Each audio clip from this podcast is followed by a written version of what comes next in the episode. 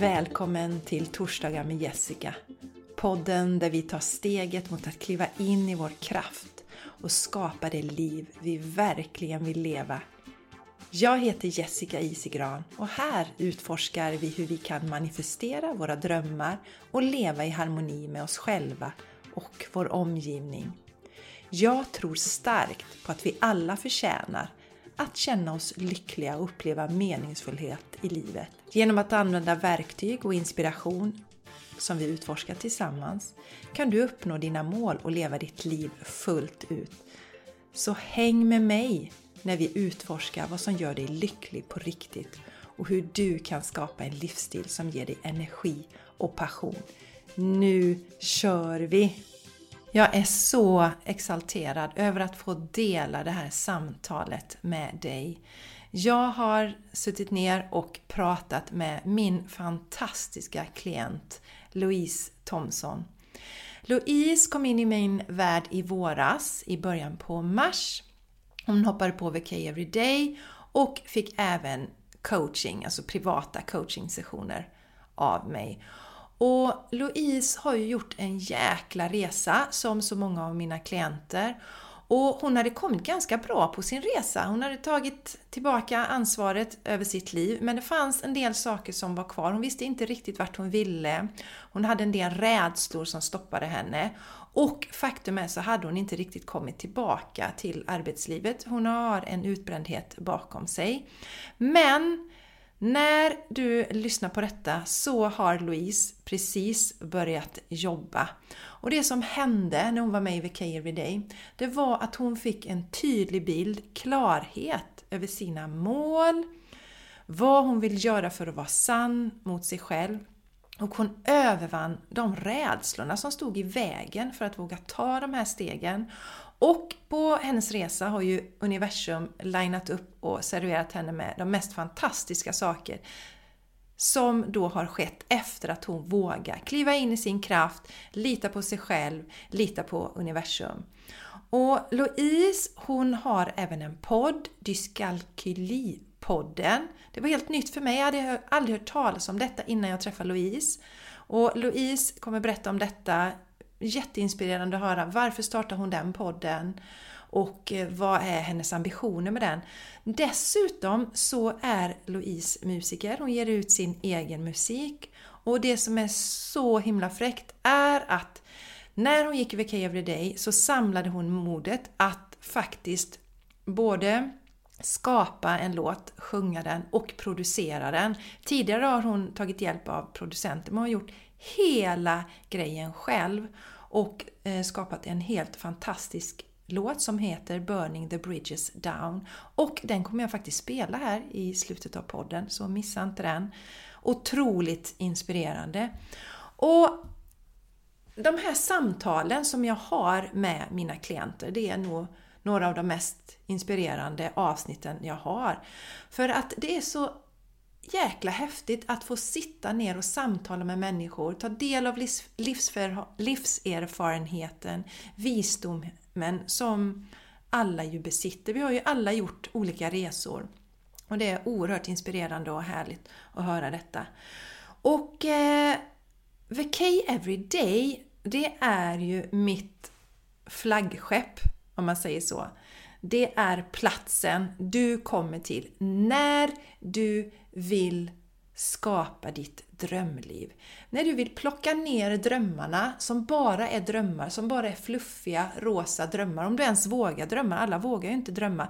Plocka ner dem, konkretisera dem, manifestera dem i den här fysiska verkligheten. Så du får ta dig förbi dina rädslor. Du får släppa rädslorna i dina tankar. Du får använda dina tankar så att de hjälper dig istället för att stjälpa dig. Du kommer få hjälp med att äga din energi. Många som kommer till mig är högkänsliga och är som kameleonter. De påverkas hela tiden av allt som sker runt omkring. Det där får du hjälp med så att du slutar att vara en kameleont utan istället äger din energi. För vi har alla kraft att äga vår energi. Jag är själv högkänslig, har använt mig av de här verktygen som jag lär ut och är väldigt stark i min energi nu. Och det är väldigt, väldigt, väldigt, väldigt lite som kan rucka den. Så det här får du också lära dig. Släppa taget om gamla saker som håller dig tillbaka. Väldigt många av oss har ju gamla saker i vårt bagage som håller oss tillbaka, som stjäl vår energi. Louise delar det. Hon hade en del trauma med sig i bagaget. Hon har gått i terapi, gått i traumaterapi, men menar faktiskt att det var IVK Everyday som hon fick den här riktiga utvecklingen och verkligen kunde komma vidare. Och det är ju för mig fantastiskt roligt att höra för det är precis dit jag vill. Jag vill inte att vi ska liksom harva runt och gå i gyttjan och leran år efter år efter år. Utan jag vill att vi tar ett steg upp, kliver upp på fast, stabil mark och utgår därifrån. Så mina vänner, njut nu av det här och känner du att Yes, VK Everyday, nu är det dags, nu hoppar jag på. Då rekommenderar jag att du faktiskt gör det nu. För fram till den 17 augusti så har du en förmånlig betalningsplan på 12 månader. Det är den som faktiskt Louise nämner i eh, VK Everyday. Det var en av anledningarna till att hon just då, för hon var sjukskriven faktiskt när hon hoppade på VK Everyday, så hon kände att hon kunde finansiera detta. Jag kommer plocka bort den här långa eh, betalningsmöjligheten på 12 månader den 17 augusti. Så känner du yes, jag vill vara med, men jag har inte den summan, den stora summan att investera just nu, men jag kan göra det under en längre tid. Då är det nu som du ska hoppa på. Länken till VK Everyday delar jag anteckningar till avsnittet. Har du några frågor så skickar du bara DM till mig eller mejla mig på jessica.jessicaisigran.com Men VK Everyday, jag garanterar, där får du förändringar i ditt liv. För jag har sett så mycket magi hända där hos mina kvinnor. Och ni har ju lyssnat på Anna som har gått VK Everyday och Ellen som också har gått VK Everyday tidigare avsnitt här på podden. Men nu mina vänner, nu tänker jag inte hålla er på halster längre utan nu släpper jag in er till det här oerhört inspirerande samtalet med Louise Thomsson. Varmt välkomna ska ni vara! Idag har jag en helt magisk gäst med mig. Louise. Varmt välkommen Louise! Tack så mycket! Och Louise, du har ju varit i min värld sedan i mars i år. Mm. Jag tänkte jag skulle kolla upp det innan vi körde igång. För först tyckte jag det kändes som det varit mycket längre sedan årsskiftet mm. eller så. Men mm. det var då, i början av mars. Och jag tror det är för att det har hänt så himla mycket i din utveckling som det känns som det har varit så länge. Och så har vi jobbat ganska tätt ihop också. Mm. Och det som har varit häftigt då under den här tiden som vi har jobbat ihop, det är att se din utveckling och hur dedikerad du faktiskt är. Du verkligen har gått in för att göra de här olika sakerna som du ska göra. Du har inte ifrågasatt, utan du har litat och du har kört. Och det är ju en av hemligheterna tror jag, att du tog igenom, det igenom allting så snabbt utan att på något sätt stressa eller forcera, utan har verkligen landat hos dig och du har implementerat de här sakerna. Mm. Och du är ju en väldigt spännande person. Du har en egen podd som du ska få berätta om. Och mm. du gör också musik och en massa annat spännande. Så först, varmt välkommen Louise. Tack så jättemycket. Och vill du börja dela med lyssnarna om vem du är, var du bor, berätta om podden och din musik? Absolut, det gör jag jättegärna. Ja, jag heter Louise Thomsson. Jag är 36 år. Jag bor lite utanför Borås eh, i en liten by, ett litet samhälle på landet med min man och min, våra två barn. Eh, och eh, ja, eh, ska vi se var ska jag börja då när jag berättar lite om mig själv. Jag eh, kommer egentligen inte från Västra Götaland från början utan jag kommer från Stockholmshållet. Men eh, min man kommer härifrån så jag flyttade ner hit under, vad var det, mellan 20, 2012 till 2013 och har bott här sedan dess. Eh, och eh, ja, jag har tidigare haft en ganska varierad yrkesbakgrund kan man säga. Jag har gjort väldigt mycket olika saker. Ehm, jag har eh, jobbat lite inom kultur och sen har jag gått över och jobbat lite i IT-branschen. Ehm, och ja, jag har varit lite, lite överallt kan man säga. Jag är en sån person som gärna testar mycket olika saker. Jag, ehm, ja, jag är väldigt nyfiken om det kan man väl säga. Under 2020 så jobbade jag i ett stort IT-projekt och eh, blev tyvärr utbränt på grund av att jag eh, hade väldigt ohållbar arbetssituation och jag hade en eh, jobbigare situation privat. Jag hade en nära anhörig som eh, då var min mormor som höll, ehm, fick en svår diagnos, vad ska man säga, en allvarlig diagnos i cancer. Och hon gick tyvärr bort, vad blir det nu? Ja, i mars 2020 tror jag det var. Så att det var mycket som hände samtidigt där eh, som jag inte riktigt eh, klarade av att hålla, hålla uppe. Så jag, blev, jag gick in i väggen helt enkelt. Eh, och jag har nu hållit på här i eh, ungefär tre års tid, lite över tre års tid tror jag till och med, med att jag har eh, eh jobbat mycket med mig själv. Eh, för jag kände att när jag blev sjuk att jag eh, behövde ta en rejäl titt på mig själv och börja liksom jobba med de här sakerna som jag helst hade, eller som jag ville undvika innan då, för jag tyckte att det var liksom för jobbigt och det, liksom, det är alltid jobbigt att börja se sig själv i spegeln och titta på vad behöver jag, vad behöver jag förbättra om man säger så. Och jag kände att jag var tvungen att göra en större skillnad för att inte falla tillbaka och bli sjuk igen. Eh, för att jag, dels det här med att jag är en väldigt eh, driven person som vill, eh, som vill väldigt mycket och det kan, om det går till överdrift så kan det falla över och eh, ja, som i mitt fall då, göra en sjuk som jag blev. Så jag var tvungen att börja titta på mig själv och börja jobba med liksom, saker hos mig själv. Så jag har hållit på och jag gick från att vara sjukskriven till att börja arbetsträna då. Jag har hållit på nu i, ja, i drygt tre års tid och eh, ska faktiskt på måndag börja jobba igen. Och eh, jag eh, ska börja jobba som personlig assistent då till en person eh, som har olika ehm, ja, vad heter det, handikapp som jag ska hjälpa. Eh, vilket är väldigt spännande för jag har inte jobbat eh, som jag, säga, jag har inte jobbat på tre års tid ungefär. Jag har ju hållit på att arbetsträna för att träna mig att komma tillbaka till arbetslivet. Så att jag, har, jag har en lång, eh, vad ska man säga, jag har gjort en, en ganska omfattande resa eh, i mig själv. Eh, både fysiskt och mentalt för att eh, komma hit, dit jag är idag. Så det, ja, det var väl lite, lite kort sådär sammanfattat. Hur, eh, och ja, var, var jag kommer ifrån. Mm. Louise, det är ju verkligen en spännande resa hur du liksom byter nu också. Du jobbar med IT det senaste och nu ska du jobba som personlig assistent. Och det är ja. också ett mod tycker jag att mm. våga verkligen byta helt. Ja. Jag kände ju, jag har ju pratat med dig om det väldigt mycket här, men, ja, men jag har, jag var, när jag kom till dig så var jag ju väldigt, eh, jag sökte ju bland annat stöd från, eh, det var därför, jag tror det var därför jag fastnade för dig, för att jag kände att jag behövde göra någonting som jag inte hade gjort innan. Och då kände jag att coachning var det rätta. Eh, och då var jag i det här skedet, men vad ska jag göra nu, vad, eh, vad är bäst för mig och klarar jag av att gå till IT? Och jag kände ju redan då att nej, IT-världen är inte det rätta för mig, för jag Eh, utifrån den kultur som är inom just IT-branschen. Den är ju väldigt mansdominerad och väldigt tuff.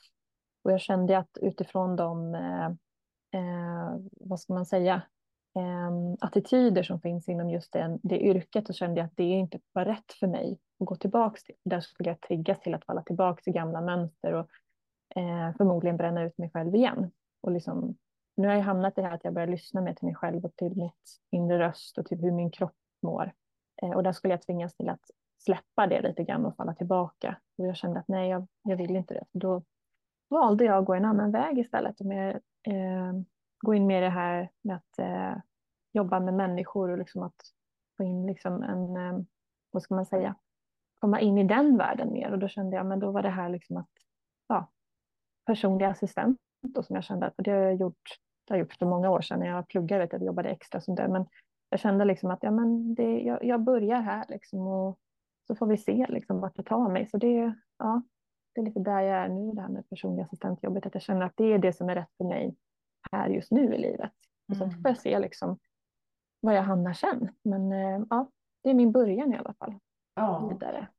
Jag tänkte på det, Louise, för du delar ju att du är en sån högpresterande person, har blivit medveten om det. Det är superbra, mm. samtidigt som det kan leda till utbrändhet. Så det gäller ju att hitta den där balansen. Mm. Hur hanterade den delen i dig det här med att du gick så länge och inte hade ett riktigt jobb? Förstår du lite hur jag menar? Den här? För, ja. jag, jag, jag kan känna igen jag ska dela lite bara där. När jag sa upp mig från min anställning som, som IT-projektledare, kände att nu, liksom, jag, jag, det här, jag ska inte vara här nu, även om jag hade en fantastisk chef, gillade mina arbetsuppgifter och så, men jag skulle vara någon annanstans. Mm. Och sen så hamnade jag i någon sån här jäkla mm, prestationsångest efter det. Mm. Mm. Jag, jag, jag vet att jag spelar in ett avsnitt på The Game Changers podcast, då, den andra podden jag har med Jenny, som vi kallar det Är du prestationsmissbrukare? För mm. den, och jag känner så här, men gud, jag är van att prestera hela tiden. Men jag lyckades ta mig igenom det och hitta ett värde ändå, trots att jag inte presterade och är på en helt annan plats idag. Mm. Hur hanterade du den delen, Louise? För det var ju många ja. som försvann då från det. Inte ja, bara den här utbrändheten och, och, och, tröttheten kring det, det fysiska, men också de här mentala. Jag kan tänka mig att eh, det fanns rätt mycket självkritik eller missbrukstendenser där. Så hur hanterade du de bitarna så du inte bara hoppade på ett jobb? Nej, alltså i början var det ju väldigt svårt. Det var, jag, jag hade jättesvårt att stänga av den här, den här rösten för mig som sa, men du, du måste ju jobba, du måste ju prestera, hur ska du försörja dig? Du vet, Eh, så jag, jag fattade inte det, liksom, att jag var tvungen att ta det lugnt. Så det första jag gjorde efter att jag liksom hade slutat det här jobbet jag hade som jag blev utbränd av. Jag, jag gick inte och sjukskrev mig direkt utan jag var ju så här, jag hade ju jag hade lyckats boka in tre andra jobbintervjuer på andra företag och jag gick ju dit och var liksom så här, ja, du vet, kroppen var inte med, huvudet var inte med så jag gick ju dit och höll god min och bara, ja, jag kan jobba. Det är klart jag kan, det är inga problem. Liksom, Fast huvudet och kroppen sa nej, det kan du inte, fattar du inte det, din dummer, liksom, du, du måste ta det lugnt. Så du vet, så jag gick på de här intervjuerna, höll god min och så gick jag hem och så bara, ja, kände mig helt usel och värdelös för att jag liksom inte kunde prestera som jag ville göra. Jag, liksom, jag, var, jag hade så svårt att släppa den här, liksom, den här drivande, vad ska man nästan kalla det för, liten djävul som fanns i mig som bara, ja men du måste jobba, du måste tjäna pengar, det måste du göra, det förstår du. Eh, så jag, det tog mig lång tid att liksom komma till insikt till det. Eh, tills, jag liksom, tills min man sa, alltså nu måste du nog ta, ta det lugnt och gå till läkaren och liksom prata med en doktor, för du, jag ser att du inte mår bra. Eh, så att jag, eh, ja, det var ju liksom, eh, det, det, var en ganska turbulent tid där mellan att jag slutade mitt konsultuppdrag, för jag var ju konsult och så försökte hitta ett annat jobb liksom och sen, ja, så jag tror att det var på vad var det? Eh, efter jag hade slutat med konsultuppdrag, då hade jag haft en ganska jobbig konflikt med min dåvarande chef också. Jag hade liksom sagt att jag tyckte att det här jobbet, liksom, det var inte hållbart som det funkade.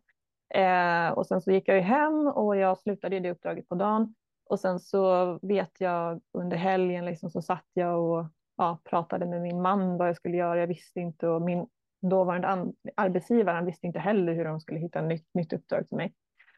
Eh, och sen så tror jag det var på vad var det? Jag tror det var på lördagen därefter, då fick jag reda på att min mormor hade gått bort också. Eh, och det var då jag kraschade, eh, egentligen kan man säga. Och då var, jag gick och la mig och vila och så kom jag inte upp ur sängen. Det var liksom som att huvudet var inte med, hela rummet snurrade. Jag var jättesvårt att förklara hur det känns, men det är som att kroppen säger åt dig, nu måste du ta det lugnt, annars kommer du bokstavligen falla omkull snart. Eh, så jag kunde liksom inte sätta mig upp. Och sen på måndag så gick jag till läkaren och sjukskrev mig. Och det här var det svåraste då, för vad läkaren sa till mig var, det du behöver göra nu är att inte göra någonting.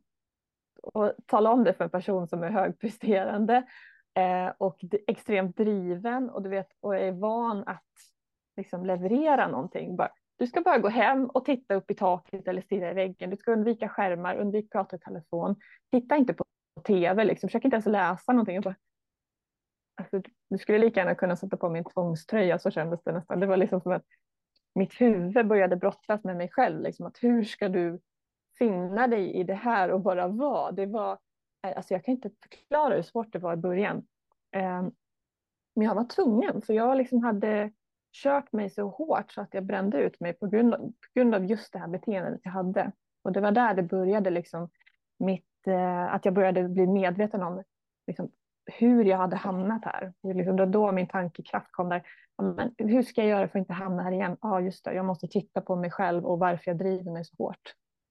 Så det var liksom, ja, hur jag började hantera det här, det, liksom, det var inget som kom över en dag, utan det, det har tagit jättelång tid och jag, alltså jag brottas ju fortfarande med det här, det här liksom att prestera eh, och, att, att, och liksom att lyssna in var mina gränser går. Men jag, blir, jag har blivit så mycket bättre på det eh, sen liksom, när jag blev utbränd, för då var det, alltså då var det nästan, då kändes det som en omöjlighet. Det, jag har ju haft många återfall liksom, när jag har när jag blivit utbränd, utmattad igen för att jag liksom har fallit tillbaka i det här liksom beteendemönstret. Att oh, jag måste prestera och jag, jag måste ta hand om hemmet och jag, vet du, barnen måste få mat. Du vet, det har ju varit mycket sådana situationer för att jag har tagit på mig saker fast jag inte har orkat.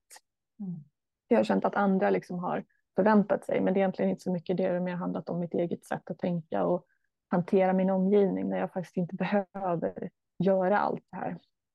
Men det har tagit lång tid att komma dit så att det är många små saker som har bidragit till att jag har blivit bättre på. Det är meditation och det är liksom bland annat att ta, börja ta hand om mig själv fysiskt och träna liksom nästan dagligen. Jag yoga och jag är ute och löptränar. Och liksom, ja, jag, det första jag började med när jag var utbränd var att jag gick på korta promenader så gick jag satte mig i skogen och bara var. Och det var också en, en svår eh, utmaning för mig att bara sätta mig någonstans på en stubbe. Bara, nu är jag bara här och nu ska jag bara vara här. Jag behöver inte göra något mer. Fast jag hade en inre liksom, drivkraft som jag inte ville att jag skulle göra mer. Um, om man säger då till jobbet då att gå från att vara högpresterande på ett stort bolag i it-branschen till att nu istället nöja mig med, nej men nu ska jag vara personlig assistent till en person.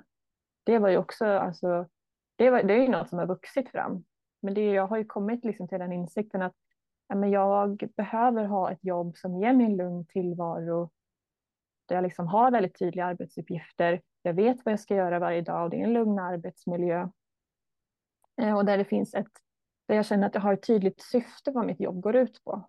Och, det, det är liksom, och sen har jag ju liksom, ja, jobbat med det liksom kring det med hjälp av dig då, genom coachningen, liksom att komma fram till att hitta det liksom, och hitta vägar till det.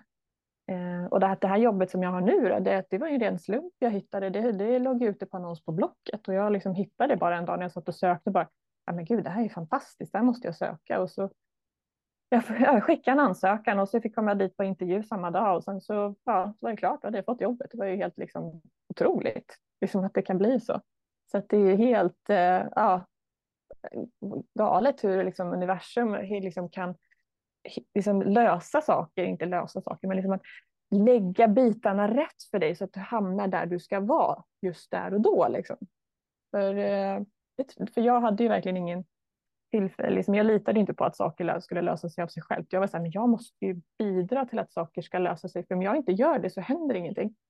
Men ja, det här var ju verkligen bevis för mig som visar, ja, fast universum, om du, om du bara är tydlig med vad du vill och jobbar liksom med dig själv och liksom skickar ut vad du önskar, eller önskar, vad du behöver, så kommer det falla på plats liksom till slut. Och det gjorde ju det. Eh, så här är ju verkligen helt ändrat mitt liksom, tankesätt att förhålla mig till min värld och liksom, hur jag gör saker. Så det är ju, nej, det är ju, jag tycker ju fortfarande det är så himla fan, otroligt att jag liksom, har hamnat där jag är idag. Men, men det är ju, du har ju blivit så bra på att lyssna inåt, Louise, och det är där som är skillnaden i mm. detta. Att det finns ju människor som älskar att jobba i, i IT-världen Eh, det som jag brukar säga, min man, han är programmerare. Eh, han älskar ju sitt jobb, det är hans passion. Han programmerar på kvällar och sånt. Men det viktiga och det vi alla behöver göra är att sitta och känna efter. Vad är min passion? Vad är bra för mig? Jag till exempel, jag vet att jag mår inte bra om jag ska börja jobba klockan åtta varje dag. Det passar inte mig. Jag vill ha en lugn morgon. Idag till exempel så eh, hade vi bokat upp oss eh, halv tio idag, för jag vet jag har haft semester, jag ska vänja min kropp in i det här. Och tidigare så hade jag själv landat i, och det kanske du känner igen dig i det Louise och lyssnarna, att då kändes det som att ja, man är mycket bättre om man börjar tidigt att jobba, man är mycket bättre om man har en anställning, alla de här sakerna. Men sen så fort jag börjat lyssna på vad vill jag ha och fått ner det, fick ner det på min planeringskarta. Jag vet att du också har gjort en sån, eh, Louise. Och eh, håller fast vid det, då, då, då ger universum oss de sakerna som vi, som, vi, som vi vill ha. Och det som var häftigt tycker jag med ditt jobb där också, det var ju att det är väldigt nära eh, ditt hem också. Absolut. Mm. Så att, och ska vi tänka ut de lösningarna så kan vi sällan det. Men om vi gör arbetet med att känna in, och det här är viktigt för mig, som jag brukar prata då med mina klienter om, ja, men hur vill du att det ska kännas på jobbet? Vad är viktigt för dig? Och du delar det. Du, du vill veta vad som sker varje dag. Du vill ha struktur. Och säkert också tänker jag att jobb som du kan släppa sen eh, när du kommer hem och så. Och sätter vi ner det på pränt så mm. levererar mm. universum det. Men om vi inte gör det så ja, men då blir det rörigt livet. Mm. Och jag vill gå tillbaka lite till det också som hände där med din, eh, för du hade det då, det var mycket på jobbet, för mycket där och sen så gick din mormor bort också. Mm. Och eh, då kraschade du totalt i det som hände. Och min mormor gick ju bort 2006 tror jag att det var. Och då hade jag, jag hade det bra på jobbet och jag hade det bra i min relation. Eh, så det gjorde att jag kunde hantera, men jag, kunde, jag hade inga verktyg då för att hantera en sorg. Och i och med att min mamma eh, har varit sjuk under min uppväxt så var mormor min, min mittpunkt, min trygghet. Så när jag förlorade mormor så var det så mycket större än vad jag tänker mig det kan vara för någon som har en väldigt eh, stark närande relation med sin mamma. Eh, mm. Då blir det inte men det var, det var som att, vad ska man säga, eh, marken drogs undan för mig. Men, och jag hade noll verktyg, jag visste inte alls hur jag skulle hantera detta och, jag gjorde det genom att springa. Så jag sprang mm. och sprang och sprang och sprang sönder min benhinna. Och, eh, alltså jag kunde verkligen inte hantera detta. Jag, jag la locket på och jag körde och sen så gjorde ju det att eh, det då påverkade min relation och det fick massa ringar på vatten som var dåliga. Sen mm. nu, för snart är det två år sedan min mamma gick bort, då har jag ju helt andra verktyg. Och kunde landa i det, eh, sörja, men inte låta sorgen äta upp mig så att säga, inte tappa fotfästet i tillvaron. Så mm. därför är det så viktigt att vi har de här sakerna som du delar. Du mediterar, du eh, promenerar, du springer, du rider en del, eh, vet mm. jag också Louise. Mm. Eh, och det är så viktigt att vi eh, tänker på det att, att vi är, eh, hur ska jag säga, eh, vi tänker innan någonting händer, jag hittar inte det ordet nu. Eh, Nej, jag förstår. Vi förekommer, så säger man va? Mm. Vi förekommer. Mm. För mm. många av oss är reaktiva istället. Precis som du, du hade inte jobbat med dig själv alls Louise. Kände inte till de här sakerna, förstod inte hur viktigt det var. Och så blev det för mycket och då kraschar vi. Men om vi har den här basen, att vi alltid har vår meditation, vi har vår rörelse, vi tar hand om oss själva, vi sätter gränser då kraschar vi inte på samma sätt. Nej. Det finns inte, vi, vi har en sån stabil grund att stå på. Så det du har gjort är ju ett fantastiskt arbete, att du verkligen landar i och tar tag i de här grejerna. Och jag tänker också att det här som läkaren sa till dig, att du bara ska bara sitta still och du ska göra de här sakerna. Där hade du ändå nytta av din prestation för att mm. du kände, men jag ska göra detta nu även om he hela ditt väsen skrek nej. Måste mm. en vildhäst, känner jag. Mm. Mm. Och också tycker jag är härligt i din berättelse där att det är ju så här att om vi inte kan sätta gränser, för det var ju det som du var svag på, bland annat Louise, ehm, då sätter ju kroppen gränser för oss till slut. Och sen hade du faktiskt den eh, glädjen av att ha både din man och den här läkaren som hjälpte dig att sätta gränser tills du själv mm. kan göra det. Mm. För det, det är vi, vi själva ska ju ha den här, att vi själva är medvetna. Nu är jag trött, nu tar jag en paus, nu mm. pressar jag mig inte längre. För har vi den här hjärnan, mm. som både du och jag verkar ha, då kan vi, alltså vi kan driva på hur långt som helst. Man kan jobba sent, mm. man kan göra det och det. Men till slut så säger kroppen stopp. Ja, precis. Nej, men det är helt som du säger att man, eh, man, man kan köra hur långt som helst. Och, men kroppen orkar ju bara en viss längd, liksom. den, den har gränser. Även mm. fast vårt sinne eller vår, vårt huvud tänker jag, jag kan, jag, jag kan hålla på hur mycket som helst. Det finns inga gränser, men det, det, det finns gränser. Och när man når den där gränsen, då är det inte så kul längre. Nej. Då kommer man inte uppskatta det jobb och slit man har lagt ner, för man kommer eh, det är, liksom, det är inte värt det priset. Och det, jag fick ju lära mig den hårda vägen att ja, alltså nu, nu har du kraschat. Eh, och problemet är också när man väl har blivit utbränd. Det är, liksom, det är en så extremt lång väg att komma tillbaka. Det är, jag tänkte så här, men om jag bara liksom lägger manken till och gör saker som jag mår bra av så kommer jag snart vara tillbaka igen det är också en sån här en, en, eh, sak som många tabbar sig på när man blir utbränd. För jag har hört från andra liksom, att jag försökte prestera mig ut ur min, min utmattning. Och det, det, det, gick ju, det gick ju inte det heller. Liksom. För, det, för grunden och problemet i det är liksom att man försöker använda samma eh, vad ska man säga, inställning eller man ska säga tankesätt som gjorde att man hamnade i utmattningen. Mm. Och liksom, man kan inte leva på en sån drivkraft, för det kommer bara göra att du faller tillbaka där. Du kan liksom inte tänka, ja, men om jag är ute och går en, en mil varje dag och jag äter bara broccoli varje dag och sen så liksom gör jag det här och det här. Ja, fast det var det här problemet som gjorde att du hamnade här från första början. Så vi kan liksom inte utgå från det igen. Så, för, så det, liksom bara det hjälpte mig att förstå, okej, okay, jag kan inte fortsätta så här. Jag måste göra någonting annorlunda. Jag måste ändra någonting hos mig själv. Annars kommer det här vara liksom bli en upprepande cykel mm. som kommer ske igen och igen. Liksom. Och jag har ju lärt mig på att det har ju hänt. Liksom, jag har ju fallit tillbaka i mindre omgångar, liksom, inte lika kraftigt som i början, men jag har ju fallit tillbaka.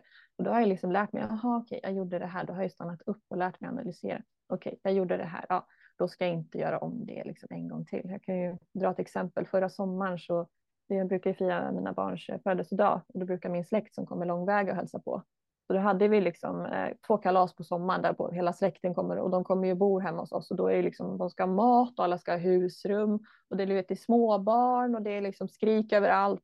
Eh, så efter den andra helgen hade vi haft det här kalaset, jag, jag, var helt färdig i huvudet. Det var liksom, ja, men, man ska förklara det som att man har ett, ett getingbo i huvudet, det bara surrar och man kan liksom inte fokusera tankarna någonstans. Så jag, jag var helt slut och det tog mig ungefär ja, en och en halv vecka återhämta mig efter den helgen. Liksom.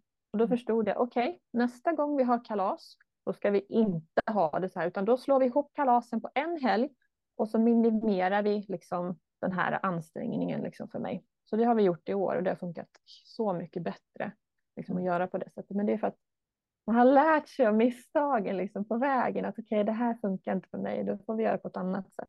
Mm. Och det är, liksom, det är så egentligen jag har gjort med allting, där jag har känt att det här det här är, liksom inte, det här är inte hållbart, det funkar inte. Nej, då får vi ändra det och så testar vi på ett annat sätt.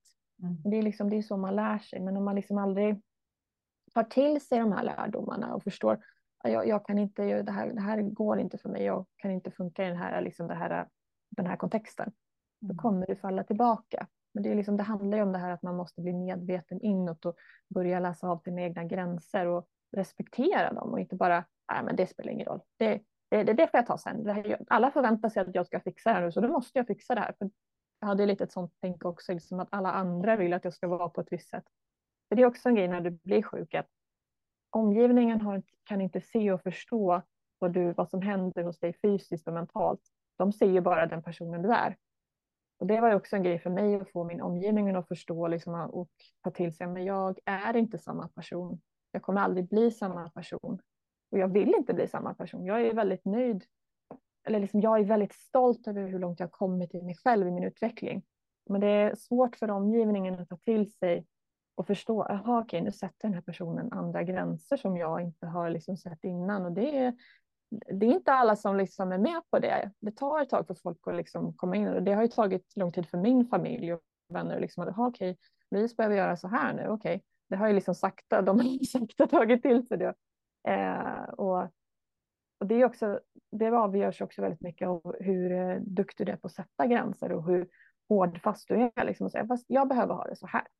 Liksom. Och det tog lång tid för mig att lära mig också liksom, att vara väldigt tydlig utåt för vad jag behöver. För innan var det lite nej men jag kan göra lite så här, det går nog bra. Om det, ja, men fast om ni tycker det är jobbigt så kan vi strunta i det. Liksom, utan det, har mer, det har gått från att vara så till att bli, nej men jag behöver det här.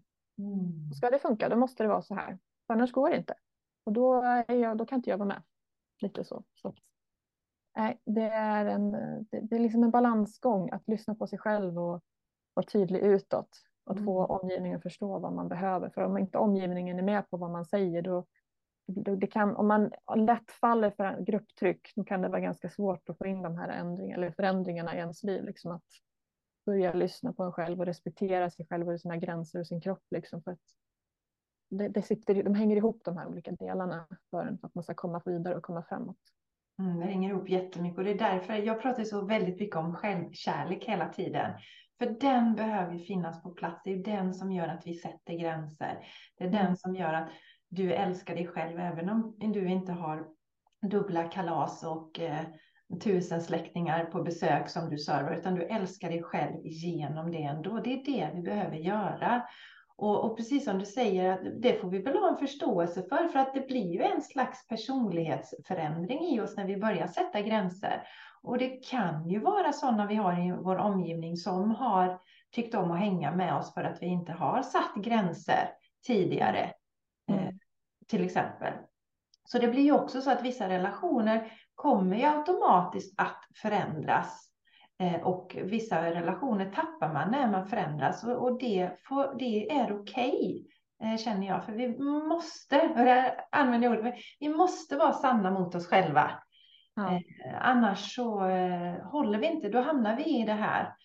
Och, och, lite som du sa där i början med utbrändheten, att det, det tar lång tid att komma tillbaka. För det, det är ju inte så att det bara sker över en dag, utan det är ju lång tid av att köra över sig själv eh, som gör att det till slut inte går. Och då går det inte bara, bara att vända det på en dag heller. Så nej, men det är häftigt. Och det här med hur du observerade dig där då när du berättade att det hade surrat i huvudet. Men så kan du observera dig själv nu och där får vi mycket hjälp genom meditation. Jag brukar säga att en av fördelarna med meditation är att vi får som att någon utifrån som betraktar oss, eller vi betraktar oss själva utifrån rättare sagt. Och då kan vi också fånga upp det här var inte så bra, nu får vi göra om och göra rätt. Eller, oj, nu tänker jag de här tankarna som jag vet bara tar mig åt fel håll, nu får jag skifta dem. Så, så det är, har ju gett eh, resultat i det att du har gjort de här sakerna för dig själv, eh, Louise, och också att Ja, men visst, det kommer fortfarande vara så ibland att man upptäcker att ja, nu tog jag på mig lite för mycket, men nu backar jag så gör jag rätt nästa gång. Och sen lär vi oss mer och mer under resan. Mm. Superspännande. Louise, jag tänkte, kan inte du dela mm. om din podd? Det här är ju spännande, för när du sa det till mig, jag hade aldrig ens hört talas om detta som du ska dela om. Kan inte du berätta om podden och hur den kom till och vad den handlar om och sådär? Absolut, jättegärna. Jag, jag driver då en podd eh, tillsammans med två andra tjejer. Jag, eh, när jag var sjukskriven så, eh, ja, det här var ju lite under min period när jag kände att jag, liksom, jag ville börja göra någonting för mig själv och för andra. Eh, och jag har ju då en inlärnings, ehm, inlärningshandikapp som kallas, eller heter dyskalkyli. Eh, vilket är en väldigt okänd diagnos idag i Sverige och i större delen av världen. Den är väldigt lik, man kan säga att den är som dyslexi när man har svårt med eh, bokstäver. Eh, för när man har dyslexi så kan det vara svårt att uppfatta ett ljud kopplat till en bokstav och sätta ihop mening, liksom meningar utifrån bokstäver. Eh, men dyskalkyli är skillnaden att det är mot siffror eh, och eh, hur att man ska koppla upp en summa som hänger ihop med en siffra och sen att man ska kunna följa hur en siffras värde ändras, till exempel när du räknar matematik. Eh, men det behöver inte bara vara matematik. Det kan även vara till exempel att du kan ha svårt att eh, orientera dig eh, rent geografiskt.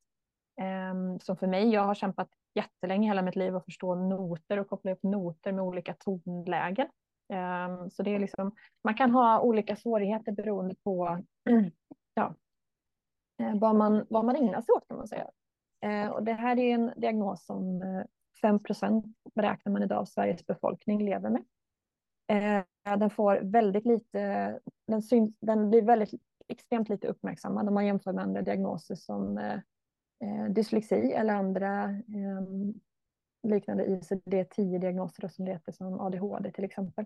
Så den, den, det pratas ytterst lite om det i, i dagens samhälle och eh, jag kom av en slump i samtal över Facebook då, i kontakt med två andra tjejer som kände att de också ville börja lyfta dyskalkyli mer. För jag kände en stor frustration över att jag, eh, att jag inte kände att det fanns någon som lyft, tog upp det här ämnet. Och jag vet att jag har varit i kontakt med andra på forumet som har känt att de har blivit så missförstådda hela sitt liv och de har kämpat med psykisk ohälsa på grund av det här och de har inte fått rätt hjälp i skolan och de har det kämpigt i arbetslivet och liksom att bli förstådda. De blir liksom, för att när man har en diagnos som aldrig blir synliggjord så känner man sig väldigt missförstådd.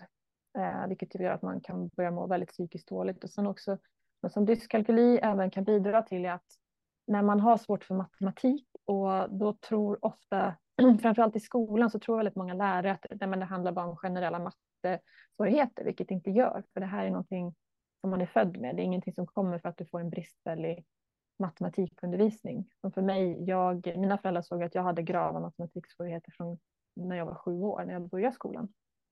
På 90-talet då, så det var länge sedan. Eh, och eh, när man lever så hela tiden, och det är som att man stångar sitt huvud mot en vägg hela tiden, när man hela tiden ska försöka prestera på en nivå som man inte är avsedd att klara av, så kan det till slut göra att man börjar känna sig ointelligent eller faktiskt dum i huvudet, vilket jag gjorde. Eh, och jag fick inte min, min dyskalkyli utredd förrän jag var 26 år, vilket var väldigt sent i livet. För när jag var barn så fanns det inga, det, liksom, det fanns inga liksom, utredningsmottagningar för dyskalkyli. Så jag levde väldigt länge i tron att jag var ointelligent eller dum i huvudet för att jag aldrig fick stöd för min dyskalkyli. Så det, där var liksom drivkraften till att starta podden och då kom vi, jag i kontakt med de här två tjejerna. Eh, och det var även faktiskt när vi pratade, det var ett samtal tillsammans med Dyslexiförbundet, för det var, vi var lite kritiska till att Dyslexiförbundet aldrig lyfte dyskalkyli, bara lyfte dyslexi. Eh, men sen har vi fått reda efteråt att de har jobbat på att lyfta även dyskalkyli, fast de har liksom inte haft rätt forum eller rätt liksom, eh, de har inte vetat hur de ska ta upp det eftersom det är främst de som jobbar inom förbundet främst har dyslexi och inte dyskalkyli.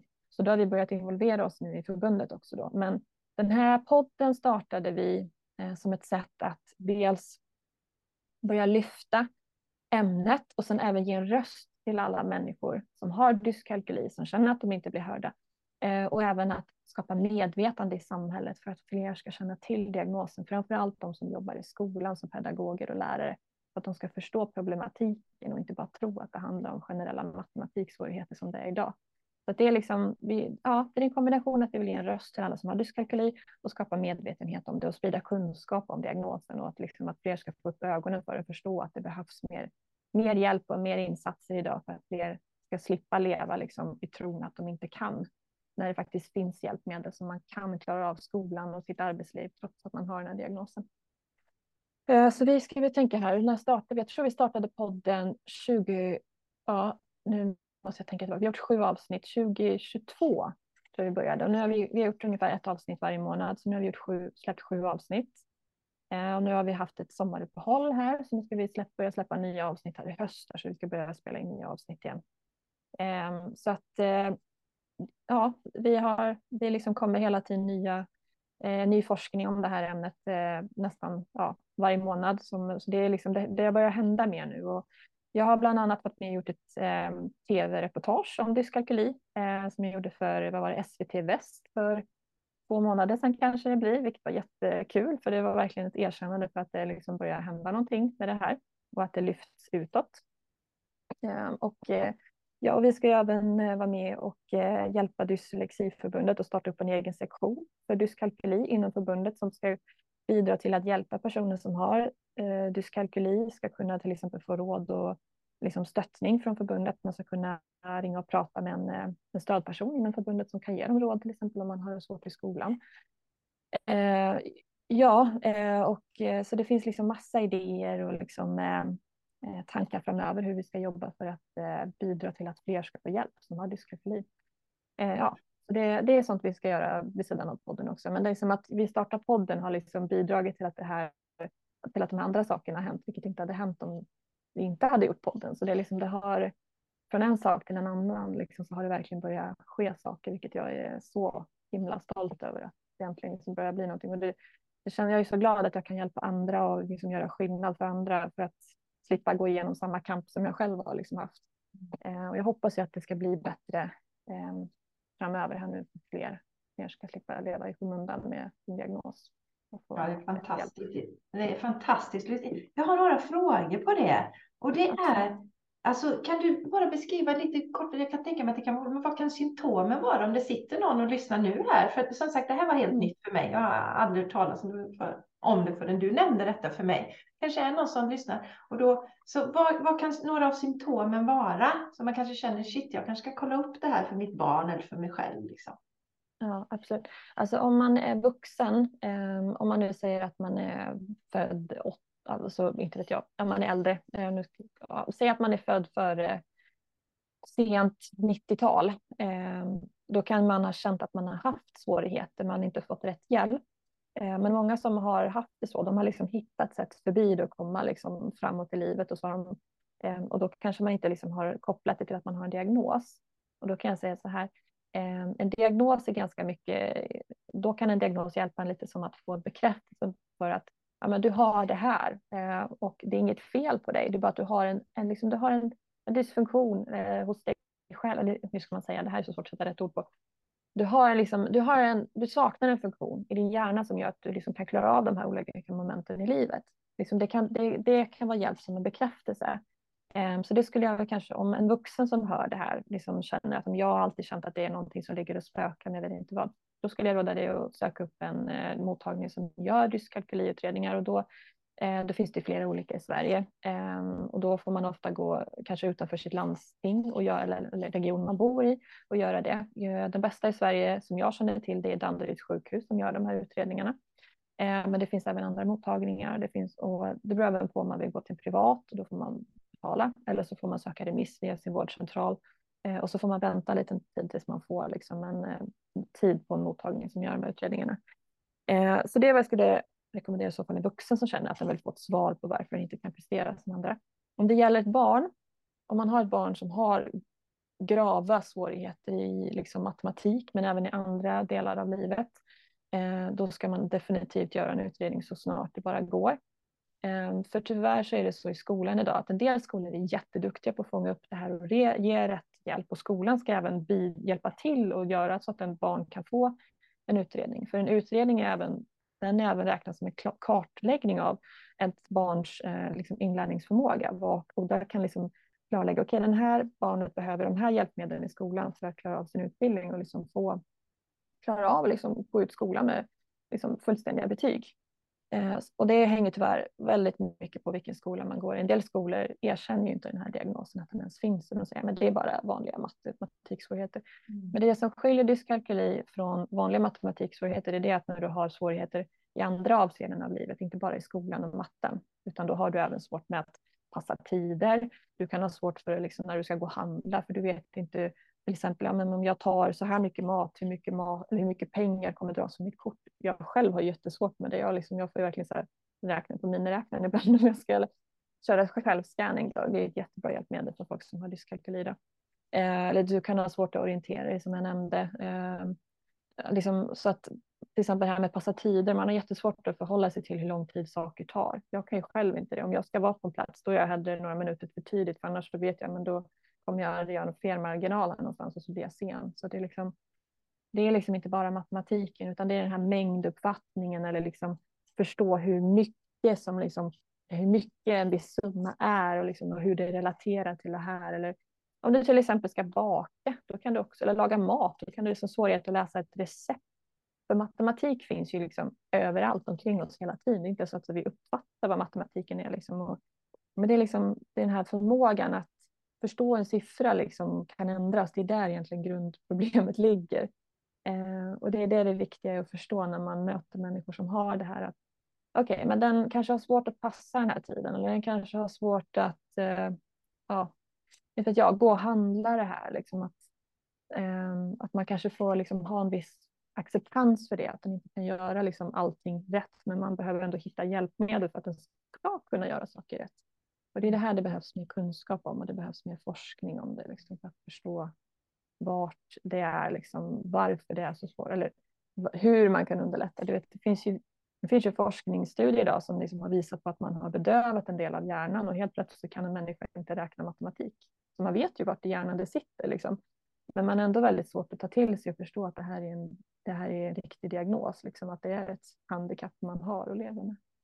Mm, ja, men jätte, jättebra Lis, där tänker jag eh, om det är någon som känner igen sig så kommer de känna igen direkt. Och bara då få landa i det här att men jag är inte det är det som du sa, att man kan landa i och tänka att jag, jag är ointelligent, jag är dum, alltså de sakerna som ju förvärrar allting. Så vågar man kanske inte dela det med någon och så. Så att, eh, ja men superbra, superspännande. Och den heter Dyskalkylipodden va? Ja, precis, det glömde jag säga. Dyskalkylipodden, precis. Och den finns där eh, poddar finns. Så att, yes. det är bara att googla på den så kommer ni hitta den. Ja, ja men underbart. Super! Louise, det finns så himla mycket att prata om. Vill du dela lite kort också om, för det här tycker jag är så spännande. Du ger ju ut musik också. Ja, precis. Jag, eh, jag har ju eh, alltid haft en liksom dröm att skriva min egen musik. Jag har ju alltid skrivit texter och liksom, jag tycker mycket om att skriva och liksom att uttrycka mig i ord och liksom hitta alternativa eh, meningsbyggnader om man säger så. Och musiken har ju alltid varit i mitt liv. Eh, sen har jag liksom haft, saknat ett visst förtroende till, liksom självförtroende att våga ge ut min egen musik. Det är läskigt när man ger ut någonting som är liksom man själv har gjort och så ska hela världen bedöma den och säga, jaha, var det här bra eller dåligt? Eh, så jag, eh, jag har ju tidigare eh, gett ut musik, men det har jag gjort i samarbete med, hittat så producenter som gör musik liksom och tagit hjälp och så har jag haft en text och så har de, ja, men då har de gjort musiken och så har vi satt ihop någonting. Ehm, och nu har jag faktiskt för första gången gjort min helt egna låt, vilket var jättekul att göra. Så jag har ju suttit på min kammare och gjort min egna låt här och så jag gör ju den via datorn då. Ehm, så jag liksom producerat musiken och så har jag sjungit och så skrivit texten och liksom spelat in hemifrån i min egna lilla hobbystudio. Ehm, så, så att eh, det är ett intresse jag har som jag håller på med. Det är ett, musiken är ju en slags eh, ventilationskanal för mig att få ur mig saker jag känner som jag kan känna frustration över, som jag är glad över. Det är liksom som en slags, vad ska man säga, en, eh, ja, vad ska man säga, en dagbok liksom. Man, man stoppar in, när man skriver en låt så stoppar du in saker du känner bara liksom i texten liksom, och så, så blir det något vackert kreativt av det liksom. Om man sen kokar ihop det här till då blir en låt. Eh, nej, så det, ja. Vad hittar man till musik Louise? Eh, ja, men jag finns på Spotify, eh, ja. på andra olika, jag tror, eh, vad heter det? Eh, iTunes finns jag också. Eh, så att, eh, jag heter ja, jag heter som mitt namn, Louise Thomson, så jag finns på Spotify. Ehm, det går att hitta mig där. Man söker på artister, Louise Thomson. Jag kommer lägga in länkar i anteckningarna här till avsnittet. Ja. Så, så, så de som är intresserade. Och det var så roligt för du gav ju ut din egna låt där under VK Everyday-tiden. Så mm. det fick vi ju fira tillsammans. Det var mm. jätteroligt Louise. Ja.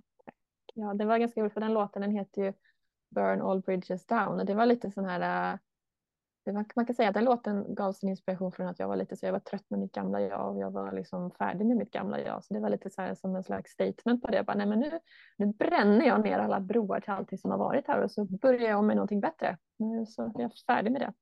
Det, var liksom, det var lite som man kan säga en, äh, ja, ett statement på det helt enkelt. Att nu är jag klar med det här, mitt gamla, gamla liv. Ja, det är en riktigt härlig powerlåt. Ja. Den är jättebra. Är den. Ha vännen, du har ju gått VK Everyday och även fått privat coaching.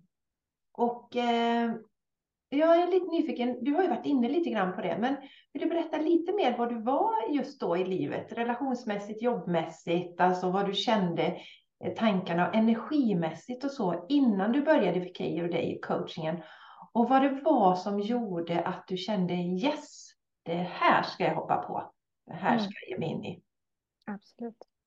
Vad jag var, jag var ju väldigt vilsen, så kan jag väl sammanfatta det. Jag hade gjort ganska mycket saker innan. Eh, som jag, liksom hade liksom, jag hade börjat med någon slags personlig resa innan. Jag hade jag vet att jag deltog i ett rehabprogram för utbrända personer. Eh, där jag började med lite meditation och yoga. Då gjorde jag yin-yoga i grupp med andra och satt i sån här samtalsgrupp med andra lite grann som var utbrända och pratade och så. Och sen gick jag från det tills att jag gjorde olika terapier. Jag gjorde EMDR-terapi, vilket är en slags traumaterapi. Och sen gjorde jag KBT. Och sen, jag gått, sen gick jag i samtalsterapi. Så jag gjorde liksom, jag gjort, gjort väldigt mycket saker liksom för att börja med mig själv. Eh, och sen så när jag, jag tror jag, när jag började terapi, det var i början av min utmattning. Så jag gick i någon slags samtalsterapi i ungefär två år.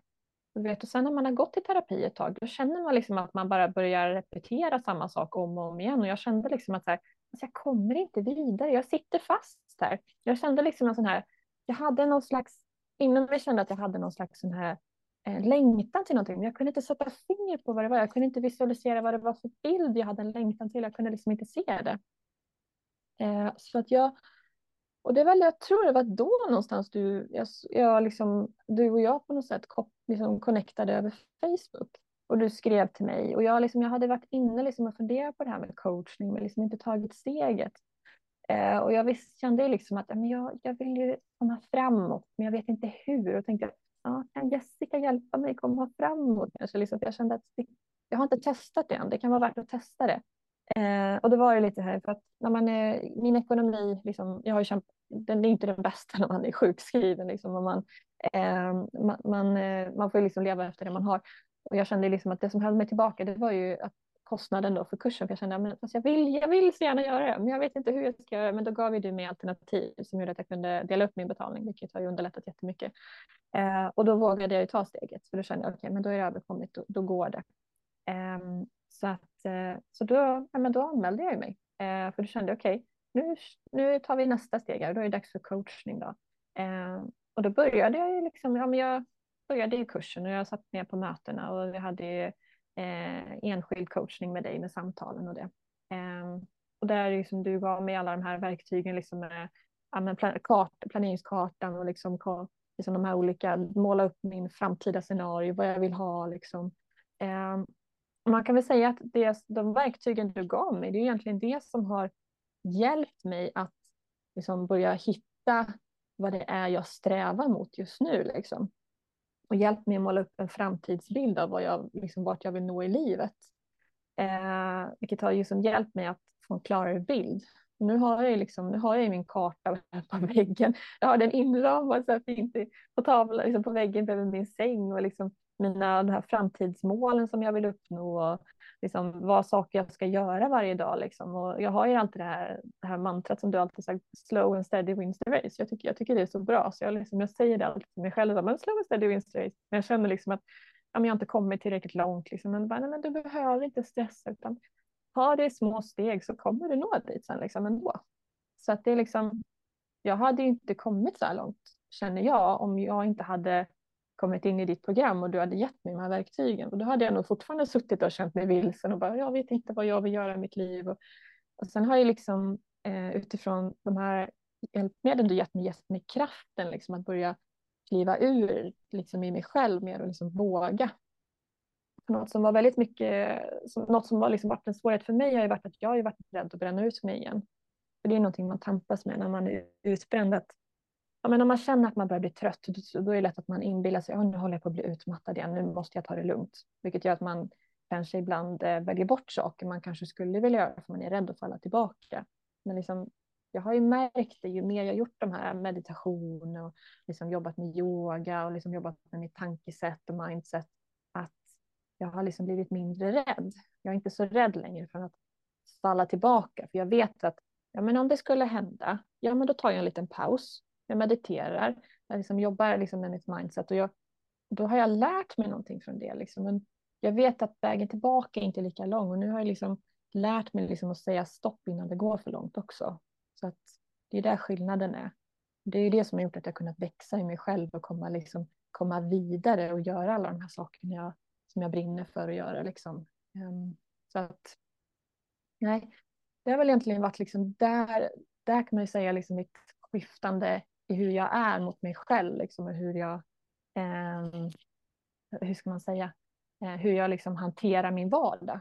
Jag, jag känner mig inte vilsen längre. Nu vet jag ju ganska tydligt vad jag vill. Liksom.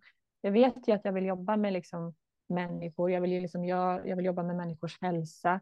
Jag, vill till exempel, jag, till exempel, eh, jag gjorde det nu i veckan. Här. Jag hittade en liten så här, mindre onlinekurs för NLP-coachning eh, som jag aldrig hört talas om. Så jag bara, ja men det låter ju kul, liksom. det kan väl nog göra. Så jag håller på med den just nu och sen så har jag tankar liksom på att jag ska eh, framöver satsa på att bli eh, eh, vad heter det, yoga, yogalärare. Sen vill jag även liksom någon gång gå en utbildning för att liksom lära mig mer inom nutrition.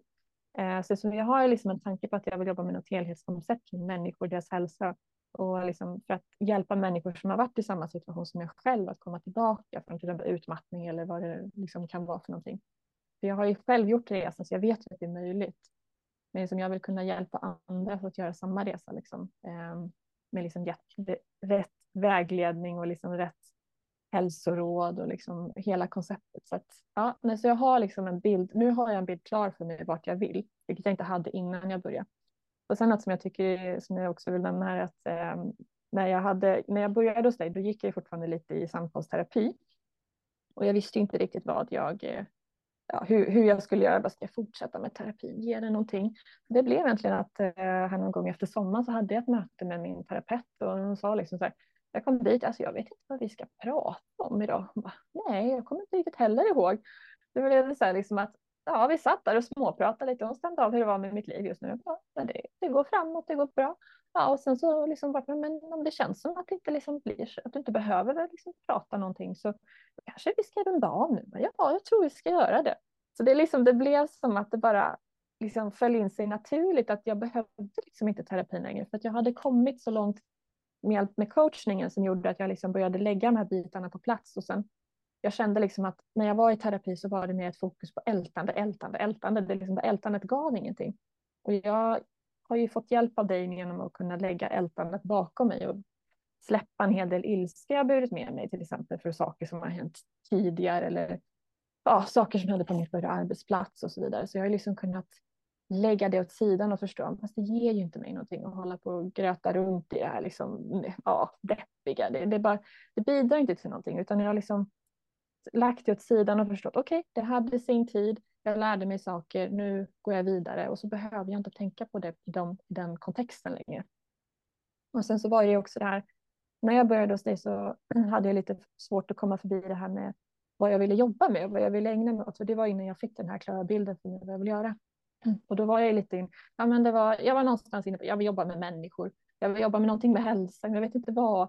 Och sen så var jag lite så här, jag har ju, tidigare hade jag en tanke på att bli dietist. Eh, vilket jag var lite osäker på, dels för att jag hade dyskalkyli, eh, och vilket har gjort att jag inte vågat satsa på det. Eh, och så det satt jag och pratade med dig om i många samtal. Eh, och, så, och då sa du, men hur känner du att det skulle vara att jobba som det? Liksom, tror du att det skulle liksom bli som du har förväntat dig? Och det var så här, Ja, jag vet inte. Det, det yrket är väldigt evidensbaserat och det, liksom, det, det kan gå emot mina egna, liksom, eh, till exempel min egen livsstil, hur jag lever. Att om, om man jobbar som dietist kanske man har råd, ger rådgivning till människor som är svårt sjuka och ger, liksom, med mat som man kanske själv inte skulle äta. Det, sen det, det skulle gå väldigt mycket emot mina egna eh, vad ska man säga, mitt samvete eller om man säger så. Och det, så, så liksom, det var det som det är det som det kändes som det hängde lite på. Och då sa, då sa du till mig, vet jag, du sa, fast om du tänker så här, vi som liksom jobbar, eh, till exempel, vi som går vår egen väg, liksom, vi som hittar alternativa eh, liksom, vägar att gå som inte är som den traditionella. Liksom, ja, eh, hur ska man säga, det, det, kan ju vara lite ensamt, men samtidigt så är det liksom att man är sann mot sig själv. Om du säger liksom så att du blir dietist, skulle du känna att du är sann mot dig själv då? Eller om du liksom till exempel blir, gör någonting annat som är något utifrån vad du själv känner är rätt för dig, skulle du känna att det är mer sant mot dig? Och det var det som fick mig att börja tänka så här, bara, ja, då är nog inte dietist det rätta. Vilket gjorde att jag liksom kunde börja släppa den, den tanken lite. För jag tror också lite att jag tänkte så här var att jag var, att jag var i ett behov av att ha en klar målbild. Liksom jag var var i behov av att ha någonting som var väldigt tydligt och konkret och som andra skulle tycka liksom var eh, på något sätt, vad ska man säga, eh, accepterat i dagens samhälle. För jag kände att ja, men jag måste ju ha ett yrke som andra tycker verkar okej, liksom, som har en gedigen anknuten utbildning till och inte liksom något sånt där flummigt hop, hopkok liksom, som man själv har hittat. Så, liksom, så, men jag, ja, du förstår. Um, så att jag kände liksom att jag, jag, jag, var i behov av att ha det, men ju mer jag har vuxit i mig själv, desto mer har jag liksom vågat släppa den idén och den tanken liksom att jag behövde det. Så nu är jag liksom mer inställd, okej, okay, jag ska hitta något eget alternativ som lever mer desto mer synkar med mina värderingar och vem jag är idag och hur långt jag har kommit. Mm. Ja, så att eh, nej, så det har väl varit min process i den eh, utifrån den, den eh, punkten då. Mm.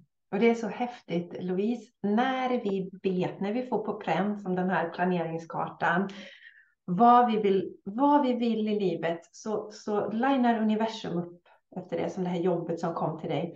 Och något som fascinerar mig oerhört mycket för jag hade ju som sagt då min anställning som IT-projektledare, hade en riktigt bra lön.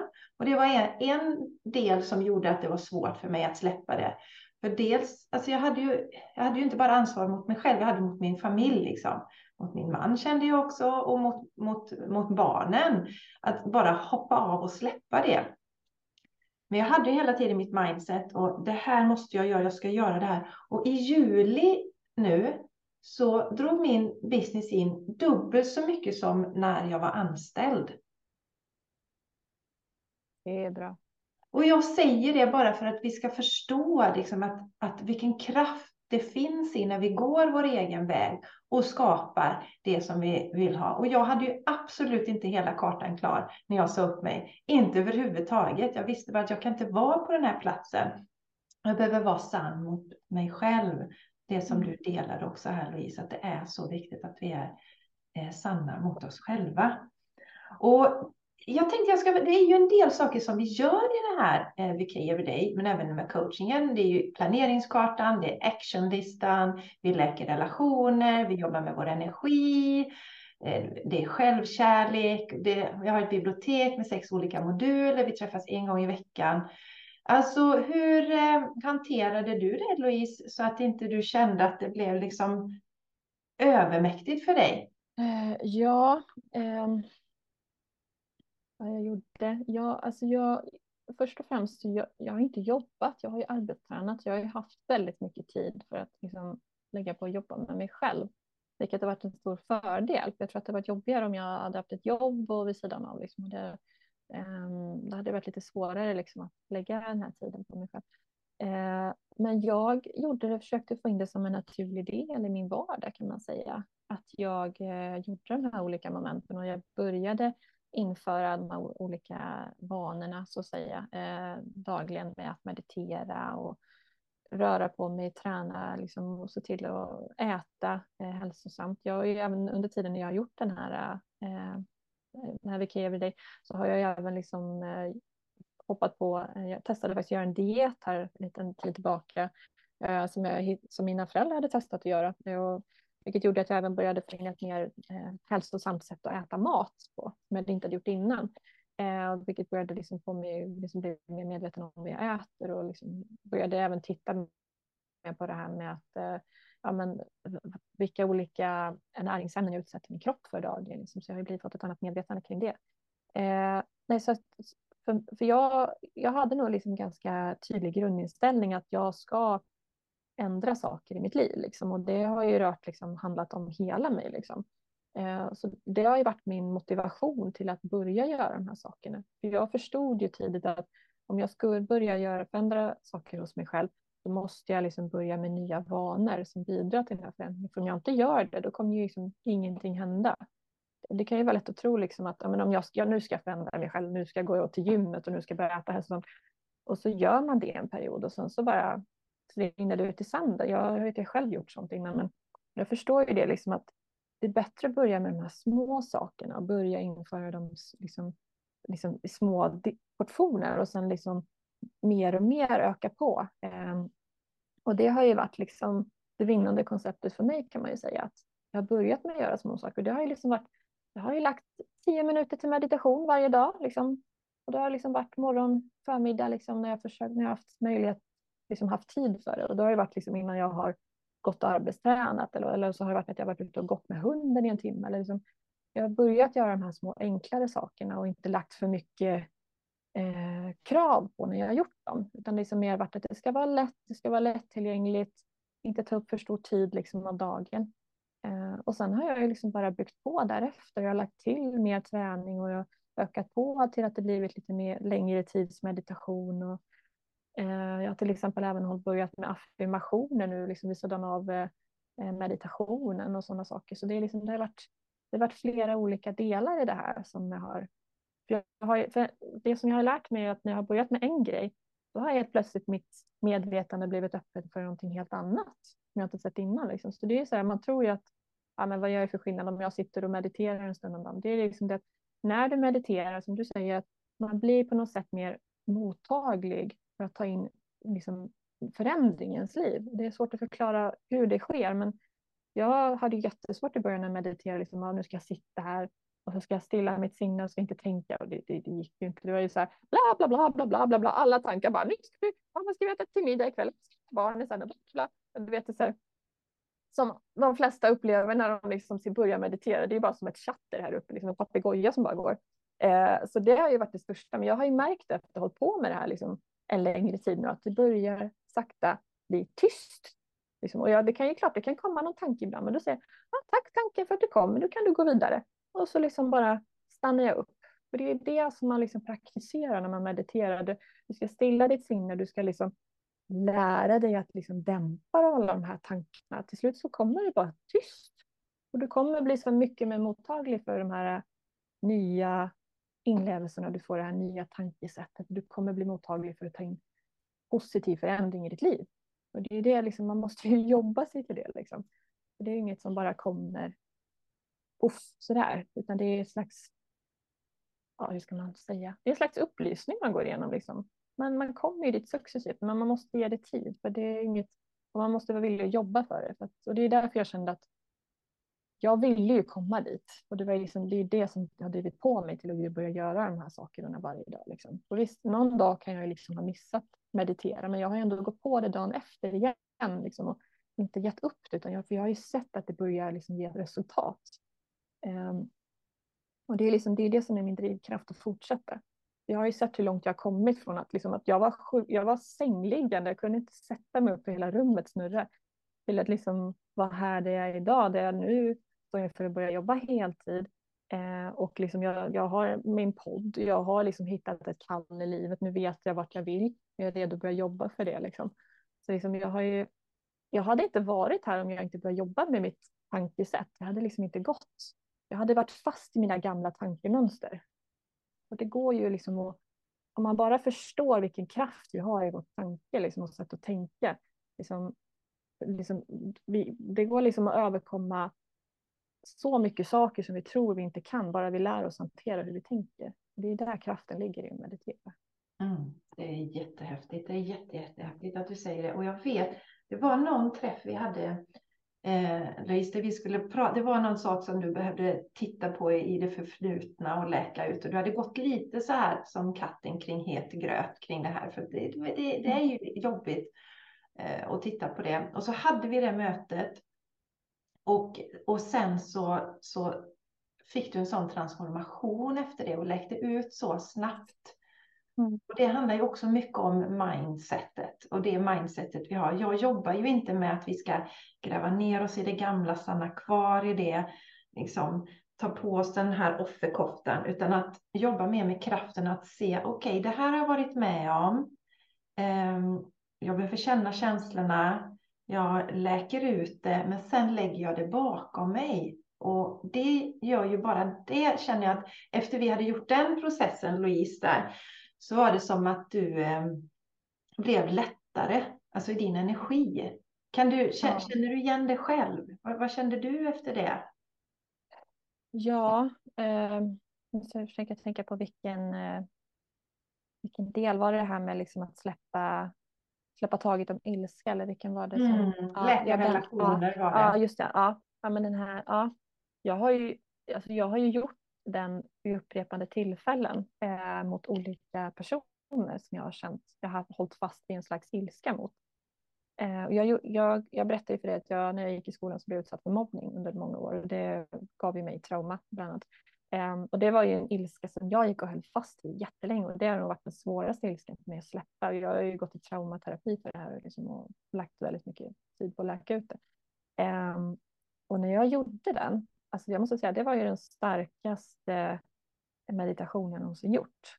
Ehm, för att det var liksom, hur ska man säga, det var som att jag verkligen stod i ett rum med alla de här människorna som hade varit elaka mot mig och liksom och Eh, det kändes så riktigt på något sätt. Jag kan inte förklara hur, men det, var, det gav mig verkligen ett slags avslut som jag liksom har sökt efter på så många håll liksom, som, som jag inte kan förklara. Liksom, och då har, man, då har jag ändå gått i samtalsterapi i flera år för det här, liksom, som inte gav hälften så stark liksom, eh, affirmation som det här gjorde.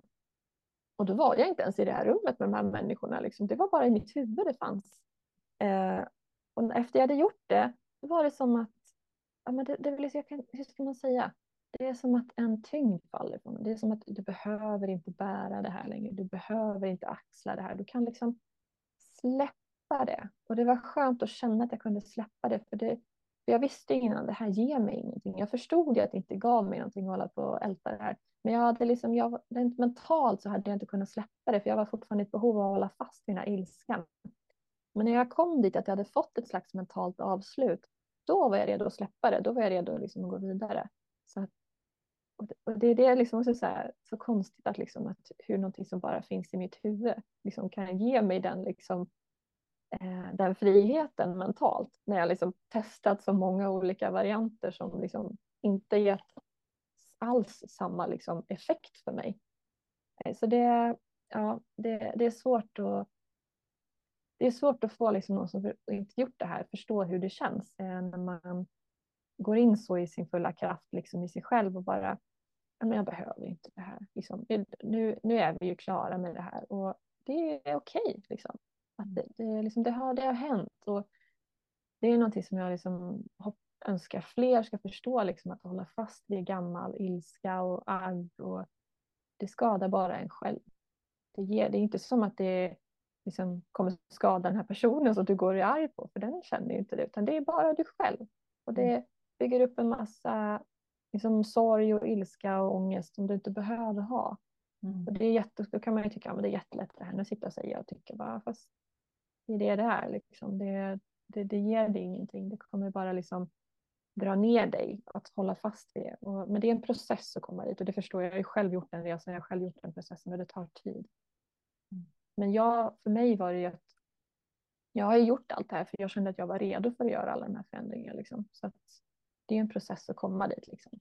Ehm, man ska ju vara, känna att man liksom är, det är dags att släppa det nu. Liksom. Och det var ju det var därför jag gjorde den här, liksom, ehm, de här affirmationerna, meditationerna. Jag skrev ner allting, liksom, allting på papper med alla fula ord jag kunde komma på. Och sen brände jag det och sen körde jag liksom meditationen efter liksom, där jag liksom, såg de här personerna framför mig. Så att det var, ja. Ja, jättekraftfullt. Det är som att, för efter det, Louisa, är det, alltså du, du strålar mer. Alltså ditt ljus som kommer, för, för den här ilskan och agget, det, det dämpar vårt ljus. Och det skapar mycket spänningar i kroppen också. Så mer avslappnad och strålar mer efter det. Så att um, mm. är fantastiskt. Det är mm. fantastiskt. Och man behöver uppleva det. Och det, det enda som vi kan göra det är att dela på andra sidan är livet så jädra mycket godare än när vi mm. går med allt det här, eh, våra ryggsäckar. När vi har satt ner dem så blir vi friare, kan vara mer i nuet och fokusera på det som är här och nu. Så det är bara massa win-win med det. Mm. Och eh, Louise, det här igen tycker jag var så bra. Du delade det här med att när du, de här sakerna som du tog till dig då i VK Everyday, att du Ehm, du, du, började med små saker och det pratar vi också om. För vi gör ju en planeringskarta där man sätter upp olika saker som man vill ha i sitt liv och uppleva inom relationer, inom arbetet, hur man ska ta hand om sig själv. Och så börjar man med det som man ser är viktigast. För det vet vi, vi övar ju mycket på det också, lita till. Louise vet ju vad som är viktigast för Louise i livet. Och jag vet vad som är viktigast för mig. Så då börjar vi att titta och så gör vi de små sakerna och så beskriver du så himla bra att när du gör en del så öppnar du upp för något annat. Och det är hela tiden så som jag jobbar med, med mm. mina klienter. Att var, var står du just nu? Vad är viktigast att lösa upp nu? För löser du upp den grejen så får du mer energi till andra saker. Och så får man med. Så det är inte så att man, och jag ska lägga på, jag ska göra detta och så ska jag göra det och så, ska jag, och så är man helt tyngd under allt som man ska göra. Utan mm. man börjar med en sak, den öppnar upp, ger energi och så gör man nästa grej. Ja, det, det, är som, oj vilken fin bild, det är som blommor på en äng. Som liksom, först börjar den ena öppna sig och sen öppnar nästa och nästa och sen har du en äng full av blommor. Mm. Den energin. Men en blomma behöver börja jag, jag håller helt med dig. Det är verkligen så, så har det varit för mig. Att det liksom att jag har gjort en grej och sen har en, en, som du säger, en annan, en annan dimension eller någonting öppnat sig liksom för mig. Och det, det, är liksom, det, är så man, det är så man växer, liksom, att man blir tillgänglig för nya influenser, nya liksom, energier och liksom, inspiration. Man, man, ja, hur ska man säga? Man, ja, det, det är som blommor på en äng som öppnas för liksom, att man, eh, man, man, man skapar en slags annan medvetenhet på något vis. Mm. Så, som man inte haft innan. Det, ja, det är väldigt kraftfullt. Är det. Mm. Um, och sen ja. dedikeringen Louise, där att du liksom gör de här grejerna. Du mediterar nu, liksom. du ser till att ja. göra Missar du en dag, det är inte hela världen, då gör du det nästa dag igen. Men det här commitmenten, alltså att man committar till sig själv, det är ju form av självkärlek. Och när vi förstår, jag pratar också mycket om det här, vi gör de här sakerna inte för att vi ska vara duktiga eller prestera, utan det är av kärlek till oss själva. Då blir det också en helt annan energi bakom det vi gör. Mm. När det kommer från det. Åh, så härligt att vi skulle kunna prata hur länge som helst, Louise. Det är så himla spännande. Ja. Och jag tänker så här att om det är nu någon som står här i valet och kvalet och kanske hoppar på VK Everyday eller coachingen eller Shine Your Light som min, min andra kurs. Vad, vad skulle du vilja säga till, till de personerna som står ah, jag skulle vilja men ja, jag vet inte riktigt om jag vågar eller om jag ska göra den investeringen och så vidare. Vad skulle du säga Louise? Jag skulle nog säga att jag hade inte varit där jag är idag om jag inte hade hoppat på VK Everyday. För mig var det avgörande för att komma vidare i mig själv. Eh, och är man så att man känner att man på något sätt sitter fast i sitt liv eh, så kan jag säga att eh, vinsterna man gör på att investera i sig själv eh, är ovärderliga i jämförelse med hur mycket man betalar för att gå en coachningskurs. Så skulle jag säga. Eh, och jag tycker att ditt Eh, det, det sättet du jobbar med, liksom, eh, hur du har lagt upp kursen är så bra. För att den liksom tittar ju på helheten, den tittar ju på som du säger, där man är nu, vad man kan göra nu, vad som är möjligt. Eh, och sen vart man vill. Liksom. Den kopplar ihop nuet till dit man vill och liksom ger en så enkla verktyg att jobba med egentligen. Bara man liksom har, följer upp det här liksom, och är medveten om att jag behöver göra jobbet för att nå hit. Liksom. Ehm, så jag skulle säga att eh, go for it.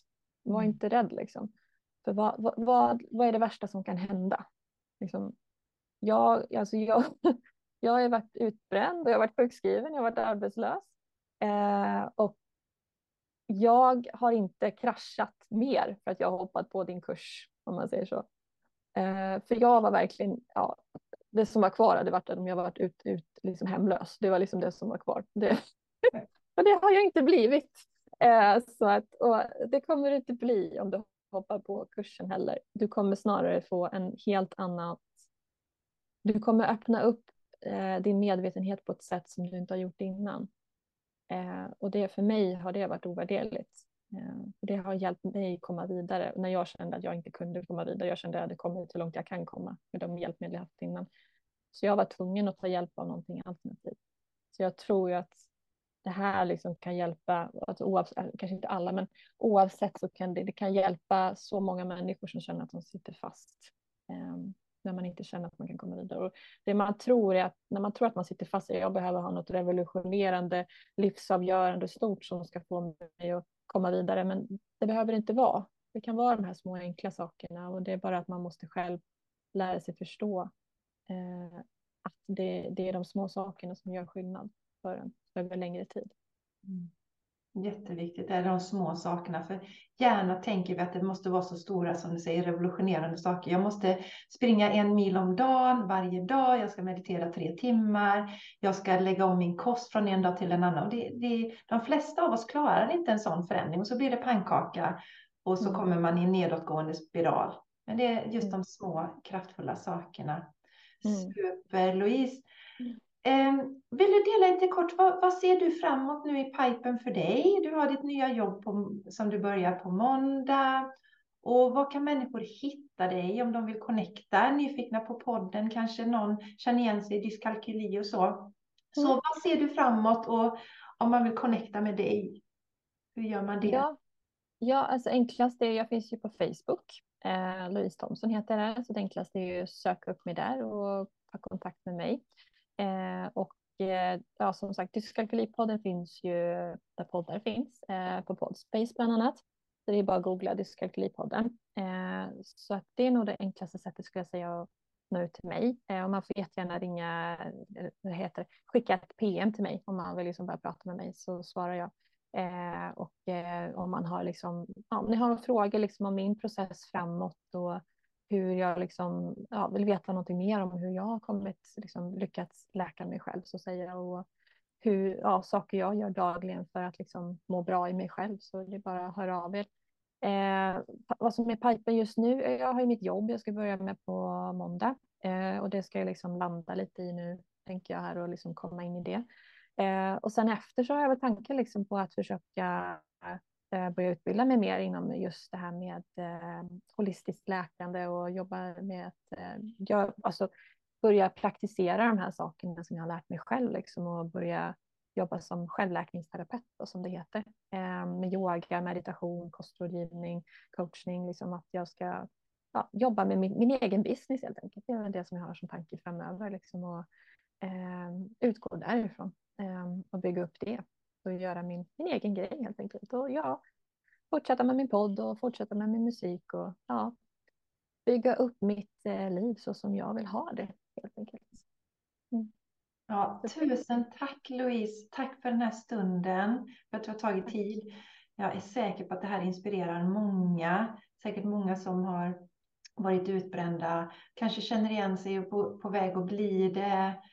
Mm. Och eh, eh, just det här att känna att man inte är ensam. Och just många, många av oss kvinnor är ju högpresterande och våga mm. dra i nödbromsen innan. Det, det, är ju det också som jag gärna, jag vill ju helst fånga kvinnor innan man hamnar där som du var Louise. Så att vi mm. slipper det. Men då behöver vi också en medvetenhet och se liksom att Alltså nu är det ju så många som går, har går in, så det är inte så konstigt längre. Men man kan ju ha haft någon fördom om att ja, fast det händer bara en viss typ av människor och liksom, ja, men inte vet jag, de kanske är lata. Men här ser ni den här fantastiska, mångfacetterade, begåvade, eh, alltså underbara kvinnan Louise som hamnade i det, vilket gör att alla kan hamna i detta. Så därför behöver vi vara medvetna behöver vara medvetna om oss själva, vi behöver vara medvetna om dem runt omkring. Kanske hinta någon om vi ser att någon är på väg att köra över sig själv och så. Så att eh, tusen tack för att du har delat. Jättevärdefullt Louise. Och stort lycka till! Det ska bli så spännande att följa dig framöver här. Din musik och podden och, och vad som händer sen framöver. Jättespännande. Tack. Kanske gästa podden i framtiden och berättar när du eh, jobba med dina nya grejer, vad som händer. Absolut, det gör jag så gärna. Tack för att jag fått vara med. Tack så jättemycket. Och tusen tack till dig som har lyssnat. Alltså visst är det underbart. Visst är det underbart att höra vilken magi som sker i VK every day. Alltså det här programmet det är verkligen livs förändrande. Och du har chansen! Du har chansen att också få den här möjligheten, också få de här förändringarna i ditt liv. Och vi kör igång de första livemötena, eller det första livemötet nu den 17 augusti. Så signa upp nu så får du vara med på den här nya, fräscha, härliga höstvågen och kliv in i din kraft och skapa ditt drömliv. Ja, tusan väntar du på? Det är ju bara att köra. Länkarna finns i anteckningarna till det här avsnittet. Allting finns på min hemsida jessicaisigran.com. Under avsnittet Jobba med mig så hittar du VK Everyday. Gå in och läs på, signa upp och har du några frågor, skicka DM till mig eller skicka meddelande till mig på Messenger eller mejla mig på jessica.jessicaisigran.com Känner du att intuitionen säger ja, så kör, säger jag bara. Och innan jag släpper ut er med Louise fantastiska låt så vill jag säga att du vet väl om att om du skriver en recension, ger podden fem stjärnor på Podcaster, det hette väl iTunes tidigare men det heter Podcaster nu. Ta en skärmdump på detta, Skicka detta till mig antingen via DM eller mejlar på jessica.jessicaisigran.com så får du 1000 kronor att dra av på VK Everyday eller på Shine Your Light. Herregud, det är ett fantastiskt erbjudande. Det är klart du ska eh, passa på att använda dig utav det. Nu, mina vänner, ska ni få höra på den här fantastiska låten som Louise Thompson har skrivit Burning the Bridges Down som hon skrev och producerade helt på egen hand under sin VK Everyday-resa. No need to reconcile